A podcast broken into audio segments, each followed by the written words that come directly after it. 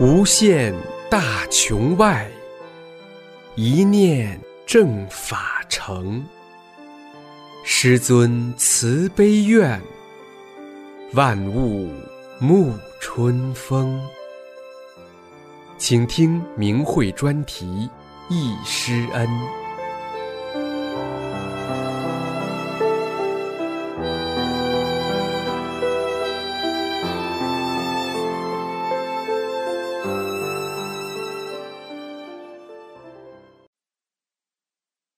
请听明慧忆师恩专题文章，题目是“回忆师傅在贵阳举办第一期法轮功传功班”。文章发表于明慧网，二零零七年五月十四日。贾同修满怀感慨的心情说：“法轮功的红传不靠打广告，不用写海报，就是先得者喜之，觉得太好了，于是口传口，心传心。”在贵州吸引了众多气功爱好者，有缘人踊跃报名参加了师傅在贵阳举办的第一期传功班。九三年五月二十五日，该班在省地矿局楼上大厅开课，参加者三百余人。师傅为方便上班的学员听课，把上课时间安排在下午七时。法轮功第一期班传功场庄严肃穆。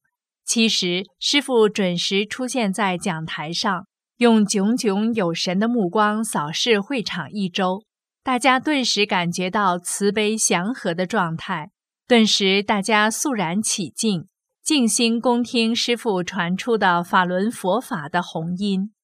师傅讲课时不用讲稿，语言干净利落，娓娓道来，大法真理强大的感染力一下子吸住了学员的心。正当大家听得入神时，突然熄灯，而且连续三次，修理人员总查不出故障。后来知道，其实就是师傅在《转法轮》书中提及的那蛇怪在作祟捣乱。很快，只听得师傅用沉着冷静的声音说：“大家不要急，一会儿就好。”接着，师傅打了几个手印，拍拍手说：“好了，马上电灯复明。”清理完后，继续讲课。讲课中，师傅根据学员们接受的情况，随时变换，采取相应的传授方式，用浅白易懂的语言阐明了博大精深的宇宙真理，迅速开启了学员的心扉，使听课者心灵产生强烈震撼，使世界观产生巨变。真可谓悠悠万事行，寻他千百度，远者登归途。法光散迷雾，慧者心自清，苦中乐常驻。俗世洪流醒，方经天地书。选自《大法弟子歌曲》《登归途》。在第一期法轮功传功期间，贵阳天气一直很阴沉，浓雾密布，但雨总下不来。是师傅要让学员们安心听课啊。在学习班快结束时，师傅让我们跺脚去病，给每个学员清理身体。因为师傅打出的功太大，当时有些学员反应猛烈，头晕、发热、发麻。有学员急忙去告诉师傅，师傅马上慈悲安慰说：“给你们清理身体，那些东西被销毁，它是有反应的，但不会有什么问题。有师在呢，大家放心。”师傅讲完课就亲自给我们教功，并认真的手把手纠正学员的动作。有些学员在练站桩功和第五套神通加持法时不能坚持的，师傅不断鼓励要坚持。教完功后，还让学员们提问题，然后耐心给予解答。人人都感到沐浴在慈悲的关切中。开班的后几天，师傅还亲自和学员一道。选出辅导员和选择练功场，并给清场，真是关怀备至。师傅生活简朴，不住宾馆，就住附近的小旅社。师傅初到贵阳时，接待方仅出十元给师傅用餐，对随行人员不管。后被师傅拒绝，亲自安排，并和弟子们一道用餐和住宿。每次下课，师傅徒步回旅社途中，经常会遇到学员，有时或请师傅签字，或请师傅合影，或提些细小问题，师傅欣然允诺。如我问师傅，练法轮功后能不能吃生凉的东西？师傅说想吃就吃，能吃就吃。练法轮功很随和，大法大道，至简至易。师傅时时处处言传身教，以身作则，给我们留下光彩照人的楷模。以同修也无不感慨地说：“也不知我是若干世修来的奇缘，有幸参加了师傅多次传功班。自在贵阳参加了师尊的咨询报告会后，就觉得这法轮功造诣高深。”天上人间独有，加上实修心、勤练功，受益匪浅，真是美不胜收。于是总想把世上最珍贵、最好的事告诉更多的人，让他们都能受益。就以现身说法，奔走相告，希望亲友与同事们莫失这万古良机，千万不要与这瞬间即逝、将来不会再有的。佛法红传于世渡人的机缘擦肩而过，否则将是人永远追悔莫及的结果。我们单位一下有几车人去贵阳参加法轮功第一期传功班，我家三代人与恩师也结下了这万古圣缘，而且一直幸得师尊宏大慈悲的呵护。由于我对法轮佛法百分之百的虔诚，使我越听越想听。越学越想学。师尊在贵州传功后，又赶往成都办法轮功传功班。于是与同修们相约，过了这村可没有那个店，失去的每一次机会不会再有。赴成都听师傅传功讲法，一定成行。就在我准备动身的前几天，老伴儿突发胆结石，必须紧急送医院动手术。面对另外空间邪恶的干扰。我心想，学佛法是最正最好的，谁也阻挡不了。师傅会呵护的。于是从容把老伴儿送到医院动了手术。结果奇迹出现了，老伴儿动手术后，包括输血、输氧、康复，仅三天时间，老伴儿就能下地活动了，并对我说：“我没事了，你安心去成都吧。”当时医生说，像这样的病人。不得住院几个月、半年的，怎么几天就好了？称奇不已。我流着泪告诉医生，这是因为我修炼了法轮功后，给我家亲人带来的福分啊！谢谢恩师。我如期启程赴成都取经去了。师傅在成都传功很忙，但还抽时间来看望，心里常牵挂着贵州大法弟子，了解我们修炼的情况。鼓励我们精进实修，并一定让更多有缘人得救得度。自此，贵州弘法活动轰轰烈烈地开展起来。由法轮功学员自发举办的九天听录音、看录像、传功法，几乎遍及贵州各地的城镇、工厂、农村。修炼法轮大法的人越来越多。随着自己精进实修，身边神奇事也越来越多，如。我家八十多岁的老母亲因大腿骨折不能行走。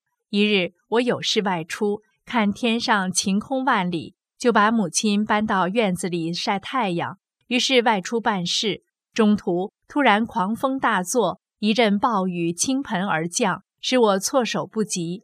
在赶车回家路上，心急如焚，心想家中人都外出，老母亲没人照料，怎么办？等我忙三火四赶到家一看，老母亲躺在屋里，安然微笑地对我说：“雨还没落下，就有位不认识的年轻人把我背回屋里。”我脱口而出：“这不是师傅派来的吗？谢谢恩师，真是急弟子所急呀！”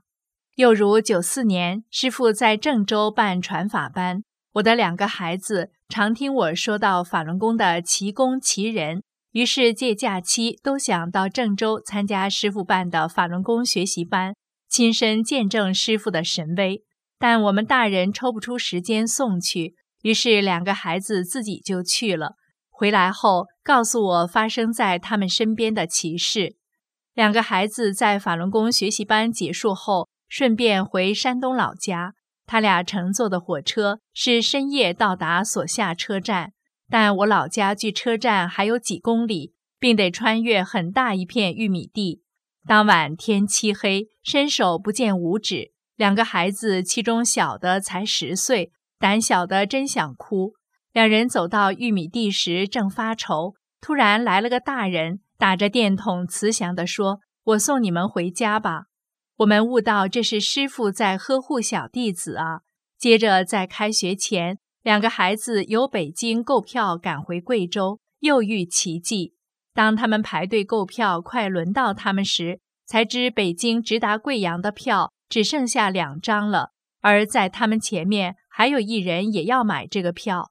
大孩子情急中想起师傅，就一念，突然听前面人说不够此票了，使俩孩子及时购票，同车赶回家。师傅的关怀无微不至啊！丙同修千恩万谢地回忆说：九三年五月，有幸聆听了师尊在贵阳举办的法轮功咨询报告会。接着又参加了师傅办的法轮功传功班，还认真拜读了《中国法轮功修订本》，法轮大法真理的光芒照亮自己迷失的心智，内心所有对人生的困惑都解开了，并得到师傅清理身体。自己以前满身病痛，支气管扩张、下肢麻木发凉、胃出血、神经衰弱等，久病寻医。练过其他功都不见好，现在却顷刻烟消云散，整个人感到从未有过的神清气爽。老伴儿见法轮功祛病健身神奇功效，很快也成了修大法的受益者。他五八年工伤致残，上班时被爆破炸药崩起的物体打破头盖骨，腿负重伤，当场昏迷不省人事。在贵阳医院抢救一个多星期，此后落下许多后遗症，经常头顶剧痛，腿伤导致坐骨神经痛，痛得坐也不能，站也不能。六月大暑天还得穿棉衣，每年都要送去住几次医院，成了个药罐子，医药费不知花了多少。求过名医，练过气功，收效甚微，真是度日如年啊。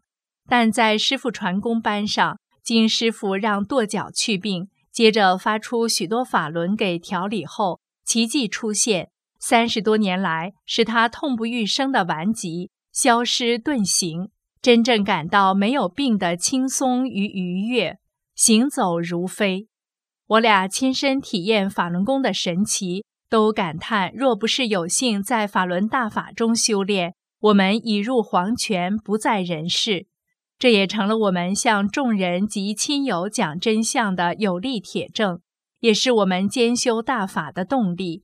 尤其是宇宙大法的真理，永恒不变的“有得必有失，善恶必有报，业力的转化”等法理，使人心修得完美无缺，修成宇宙中无私无我、先他后我、最伟大、最好、最正的生命。而我们这受党文化腐蚀多年，又是从为私为我救宇宙出来的生命，随时都会遇到能否在实修中割舍自我、守心节欲的事。我刚得法不久，一次到公园去练功，正值金秋十月，各类秋菊争相斗艳，着实惹人喜爱。于是插花引发，控制不了自己，便动了坏念。掏出挂着钥匙的牛角刀去割菊花，谁知牛角刀不听使唤，我索性连根拔出，带了回家。走到门口找钥匙开门，怎么也找不到。马上悟到是我干坏事所致，立刻在心中向师傅认错，说这样损人利己的事绝不会再有第二次。当晚梦中，我的钥匙失而复得。次日到公园一问。被一位清洁工捡到，归还给我。自此，在修炼中时刻注意用修炼人的标准来对照自己的一举一动、一思一念，从小事做好，渐渐修去思，做个合格的大法弟子。其实，敢于割舍，师傅早给我们留下了参照的典范。如一次，师傅来贵阳办法轮功学习班，与主办方议好，按四六分成。后来主办方嫌六成少，几乎把办班费吞了，学员们都为此愤愤不平。但师傅以海纳百川之气度，一笑了之，根本不当回事。该得的师傅都坦然而舍。如此正的师傅门下弟子，还能去争自己不该得的吗？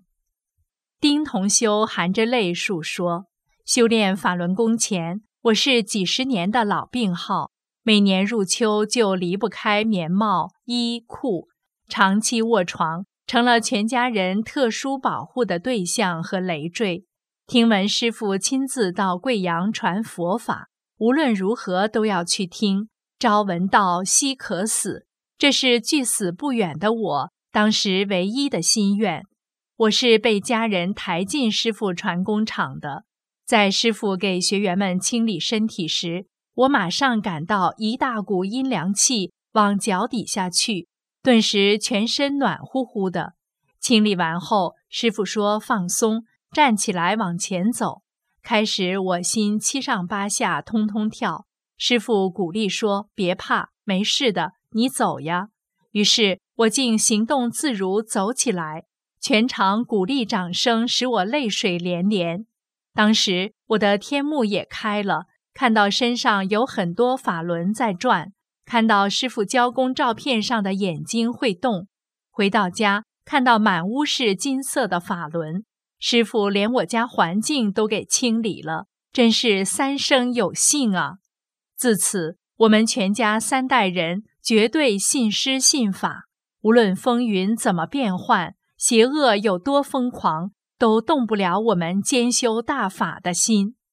像这类同修们经历的修炼法轮佛法中神奇的事，在贵州各地都有，真是多得不胜枚举。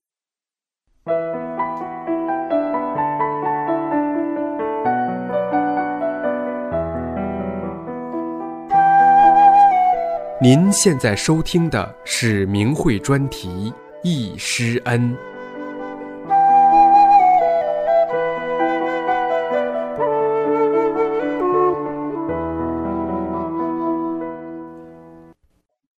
下面请听明慧易师恩专题文章。易师傅在贵阳举办第二期学习班。一九九三年六月四日，师傅在贵阳举办了第二期法轮功学习班，历时八天，为减轻学员负担，十天课八天传授。地点在贵阳医学院礼堂，学员比比第一期增加了几倍。整个礼堂人行道上都站满来学功的人。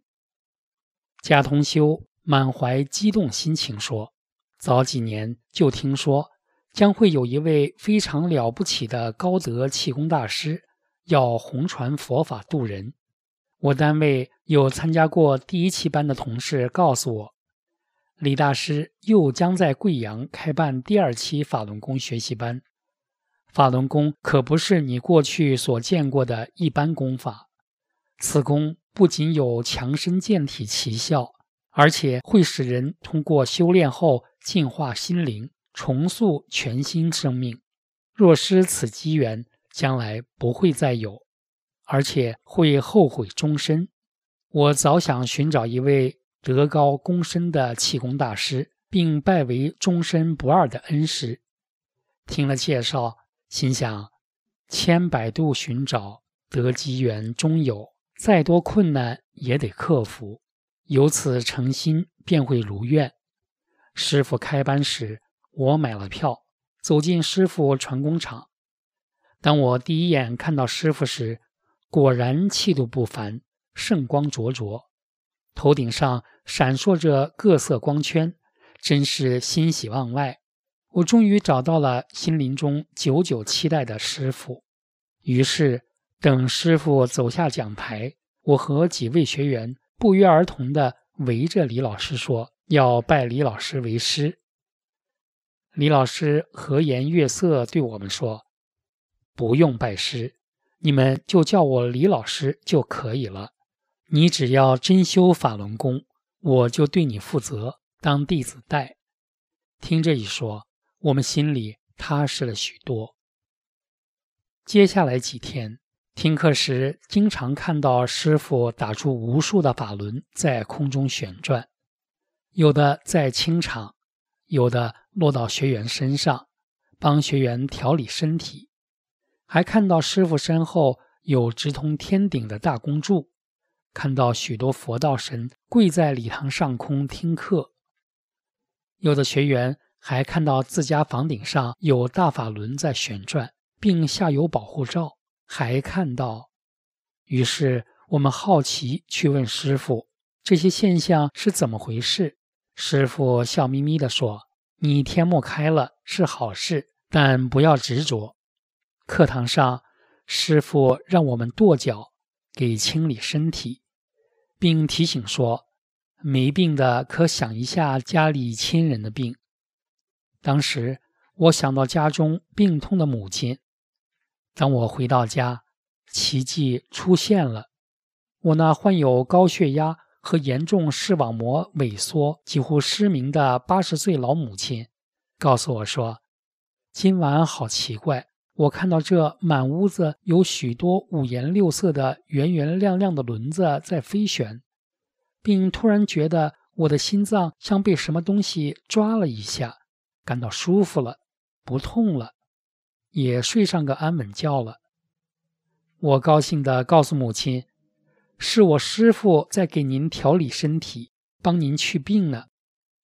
老人千恩万谢，后来还自己学法，被师傅的红银。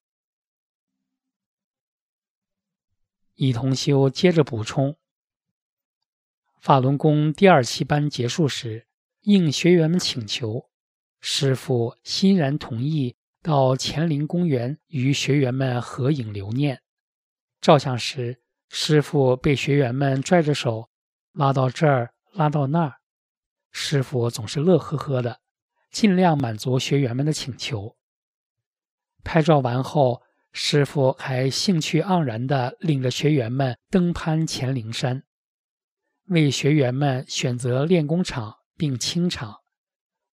一路走着，就听师傅语重心长地再三叮嘱学员说。你们一定要珍惜这块修炼的环境，贵州是个修炼的好地方。后来，师傅所选的练功场吸引全省各地的修炼人，到这练功的有时多达几千人。许多学员还看到有师傅的大法身看场，有大法轮飞旋，还有保护罩，而且能量特别强。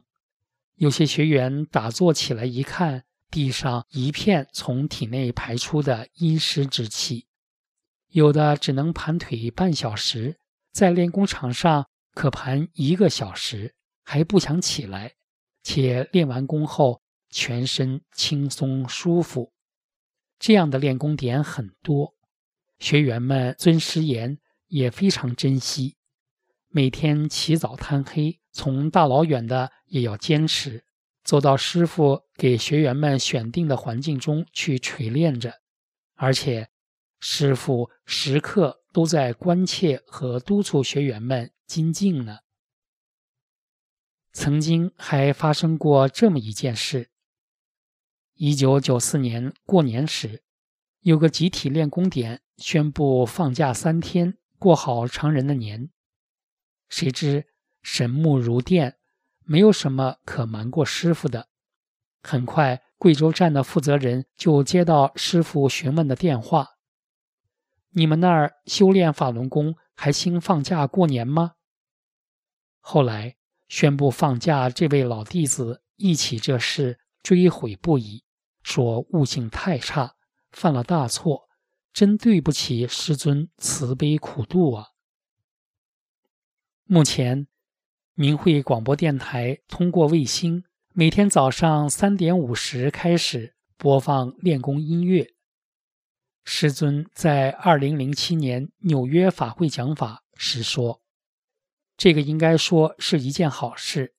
我还在看，看看最后效果怎么样。”多数同修悟道，集体晨练是师父让弟子配合正法弘誓迅猛推进的需要与安排。大家的共识是：经历七年多恶党迫害，顶着血雨腥风，著师世间行，写武转法轮，弘淫助法，而且凭百分之百信师信法闯过来的大法徒，确实没有理由不去克服求安逸的惰性，更没有理由懈怠、放松、麻木，而不去按师傅要求的去做。因为对即将圆满的心语觉者而言，这最后值千金、值万金的瞬间逝去后，绝不会再有，而且师傅在看着呢。同修，让我们携手精进吧。丙同修追忆说：“我因年幼，心灵重创，多年常被长辈训斥。”心意萧瑟，绝望落魄，有过轻生的念头。一次听单位曾参加过法轮功学习班的人说，法轮功不仅能强身健体，最主要是能使人心灵完美、洁身自珍、心胸开阔，是千古难遇，能使修炼者真正脱离众苦之渊的好功法。于是我赶去参加了李老师。在贵阳举办的第二期法轮功学习班，八堂课听下来，感到穿心透骨的震撼。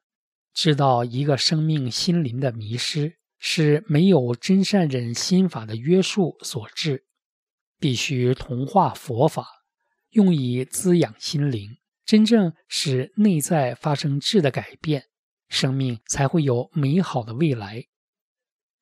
明白了这些宇宙真理后，决心实修，时时内找，不断割舍心灵污垢，返回出真本性，使人生活得真正亮丽光彩，最终才能回归真正家园。开班初，自己悟性差，一天看到有学员在开课前去争抢着坐老师讲课时用的椅子，我也过去坐。想不到，我刚一坐下，师傅好似由天而降，站在面前，严肃地叫我们下去，并说：“你们要实修才能得，坐这椅子什么作用都不起。”师傅说：“我讲法时打出去的功很强大，到处都有。”每当忆起此事，我深感内疚汗颜。后来。当许多人围着师傅签字时，我只是拿着书远远等着，不敢上前。后来师傅还是帮我签了。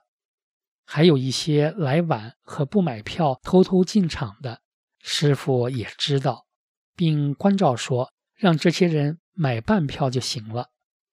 师傅度我们这么辛苦，而我们还给师傅添麻烦，但师傅特别爱惜每个学员。总替别人着想，给我们留下无私无我、先他后我的楷模。丁同修含着泪说：“我三生有幸能参加师傅亲来贵阳举办的法轮功学习班。听课时，我坐在前几排，想离师傅近点，好听得清楚些。但师傅一讲课，我想怎么硬撑，总是睡过去了。后来才知道。”自己因心脏有病，头摔伤过，怕我受不了，师傅让我处于麻醉状态所致。但师傅讲课的内容我没落下，都听见了，而且天幕也开了，看见师傅身体放射出强大的七色光环，还看到另外空间许多美好殊胜的景象，心中升起。对师傅无比敬佩与感激，但由于自己学法常停于表面，没往心里去，加上图安逸，常人中的东西往往难以割舍，加上懈怠、放松自我，遇事不能用法来衡量，时时总难守住心性。如在学习班时，看见别人找师傅签字，我也抢着去签。师傅当时严肃地对我说：“这本书每个字都是我的法身、法轮，你还签什么字？”看到别人跟师傅握手，我也守在门口等着师傅握手。更有甚者，在修炼路上跟头把式的跌跌撞撞。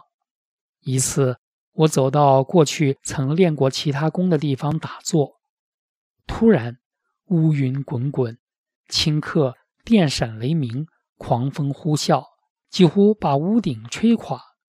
我吓得脸发青，马上悟道：师傅讲过不二法门，我在干坏事。于是我向师傅请罪：我错了，不许邪灵毁我，请师傅原谅，救救弟子吧。话声刚落，雷霆雨歇。我回家后。那阴雾还跟上我，常来干扰。我一练功就出现，使我无法练功。我虔诚请师傅帮我清理，很快看见一束剑光刺向阴雾，从此再也看不见了。经历此事后，深刻认识到，修炼是极其严肃的。如果一思一念、一举一动偏离法，就会流于邪。而引来巨关巨难，因为旧势力的目的随时想钻空子，毁掉修炼人。只有不折不扣信师信法，走师傅安排的路，才是最安全、最正的返本归真之路。您现在收听的是明慧广播电台。您现在收听的是明慧广播电台。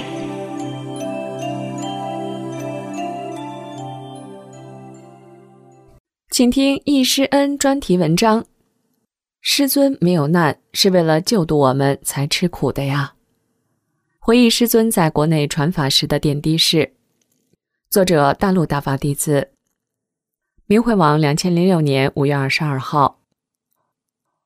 师尊在国内传法初期，我还没有步入修炼。那时我好奇心很强，喜欢琢磨稀奇事儿，喜欢看气功书，也看过一些修炼的书。因为当时气功科研会里有我认识的人，我了解到不少各门气功的情况。当时我就觉得法轮功好，和别的气功不一样。师尊也和一般气功师很不一样，让人感觉到那样的祥和，那样的亲切。或许是师尊强大的慈悲吸引着我，我虽未修炼，却很羡慕在师尊身边工作的人和师尊的学员弟子们，愿意和他们接触，愿意了解法轮功。没有固定住所，没有床，只有一张长沙发。法轮功老学员一般都知道，师尊在北京传法时没有固定住所，那时还不实行买房，住房由单位分配。一般都很紧张，师尊身边的工作人员都不富裕，师尊的户口也不在北京。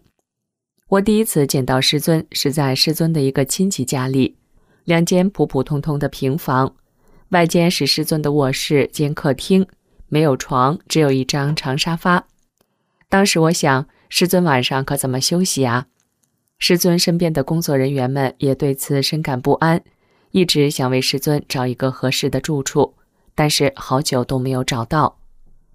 后来师尊的居住条件有了一些改善，住在一个学员的房子里。这位学员老两口跟子女去了国外，房子空了出来。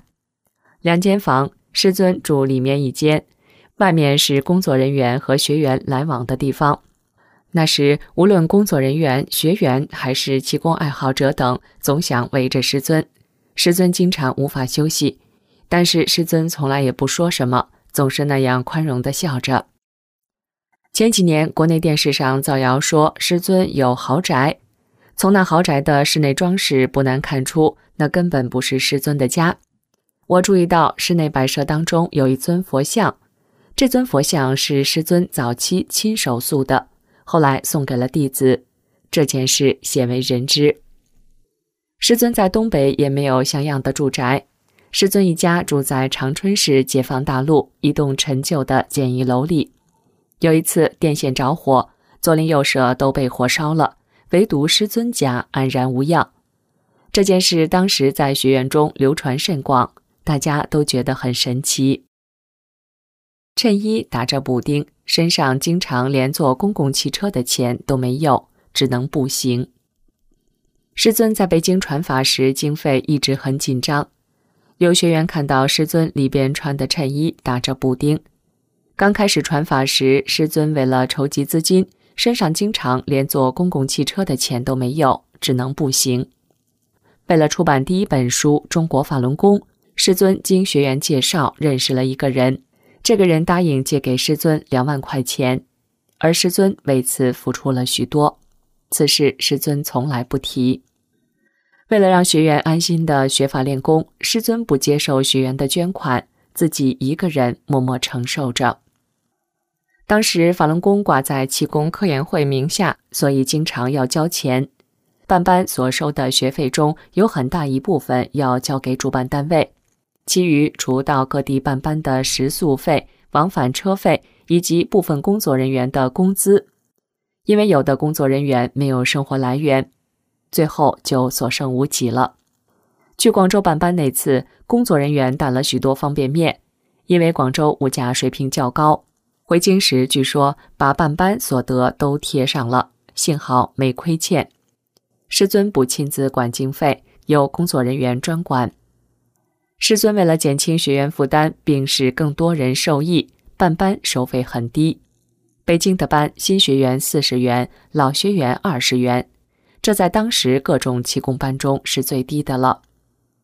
《转法轮》这部著作于九五年初正式出版后没多久，九六年下半年，政府有关部门就不让再出了。后来学员们用的都是盗版书，印刷和装订质量都不好。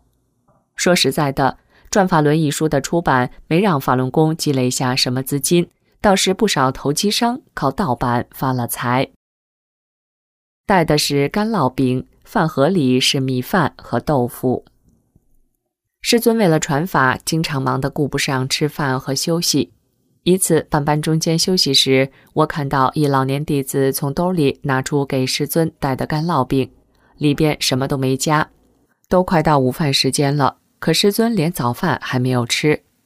有时师尊上午出去办事，回来较晚，下午还要给学员讲课，一看时间紧。顾不上吃饭，匆匆又走了。九三年北京的东方健康博览会上，师尊和学员弟子们一样买盒饭吃。我凑过去看了看，下面是米饭，上面是豆腐。师尊在国内办班期间，每天都很劳累，常常是晚上刚结束一期学习班，就拿着工作人员买好的火车票启程去外地办班了。据工作人员讲，这都是常事儿了。在东北办班时，上午一个班，下午另一个班，进度还不一样，连续十天，师尊每天要讲一整天的课。在办班期间，还有不少人找师尊治病，中间休息的时间都被占用了。各种各样的人常常把师尊团团围住，可是师尊总是那样和蔼可亲的，尽量满足众人的要求。师尊在各地传法时，生活上一直非常艰苦。去山东办班那次，听随行弟子回来后讲，大夏天天气又闷又热，每天流很多汗，可是没有地方洗澡。师尊同他们一样。法轮功展位周围贴满了感谢信。听说师尊带弟子参加东方健康博览会，我和一个同事一起挤公共汽车去博览会找法轮功看病，车上人很多，我俩一直在聊天。快下车时，无意中回头一看，啊，师尊也在车上呢。我赶忙打招呼，师尊笑眯眯地说：“看你们聊得很热闹。”下车后，我们高兴地跟师尊一起走，迎面走来一对老年夫妇，手里拿着用大红纸写的感谢信，男的眼圈红红的，充满感激之情。师尊亲切地对他说：“你看，现在好了。”原来那老年妇女不知得的什么病，肚子老大老大的，怎么也治不好。可昨天经师尊一治，今天就像换了个人似的，一切正常了。博览会期间，师尊把自己的功分给弟子们，并把他们的身体封上，所以弟子们一个个神通广大，治病效果特别明显。每天从早到晚，法轮功展位前总是挤满了人。有人昨天来看完病，回家感觉效果好，今天又带了几个人来找法轮功看病的人就越来越多。其他展位前冷冷清清，没有几个人，有的根本就没有人。结果看法轮功的人把别的展位前的地方也给占了，只好组织人来维持秩序。法轮功展位周围贴满了感谢信，还不断有人送来感谢信，很多人排着长队请师尊签名。济公科研会的领导找师尊照相，师尊总是亲切的，尽量满足大家的要求，细心呵护着人们那颗向善的心。还有很多人是慕名前来拜望师尊的。我亲眼看到有位五十多岁的男子远远地站在簇拥着师尊的人群之外，非常激动地向师尊双手合十，并在师尊合十还礼后悄然离去。法轮功展位前的能量场非常强，有的人原来身体很难受，在那儿站一会儿就舒服了，所以迟迟不愿离开。那些日子，法轮功轰动了整个京城，人们奔走相告，甚至有人从外地赶来找法轮功。为此，博览会结束后，师尊临时又在天津办了一次法轮功学习班。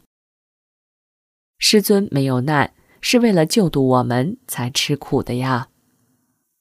在过去的修炼中，师傅都是由弟子供养的，弟子要用最好的东西供养师傅，而我们慈悲伟大的师尊却从不要弟子一分钱，只要人们一颗向善的心。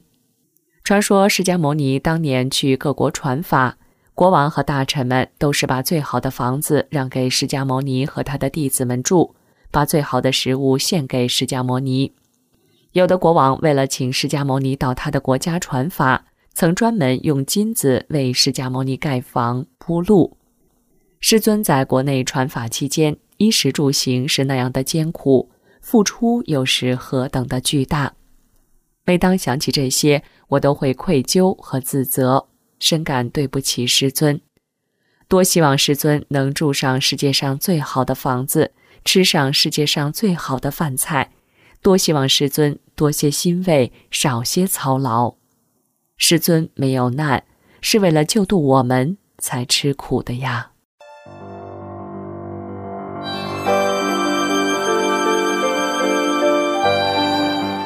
这一期的易师恩就到这里，谢谢收听。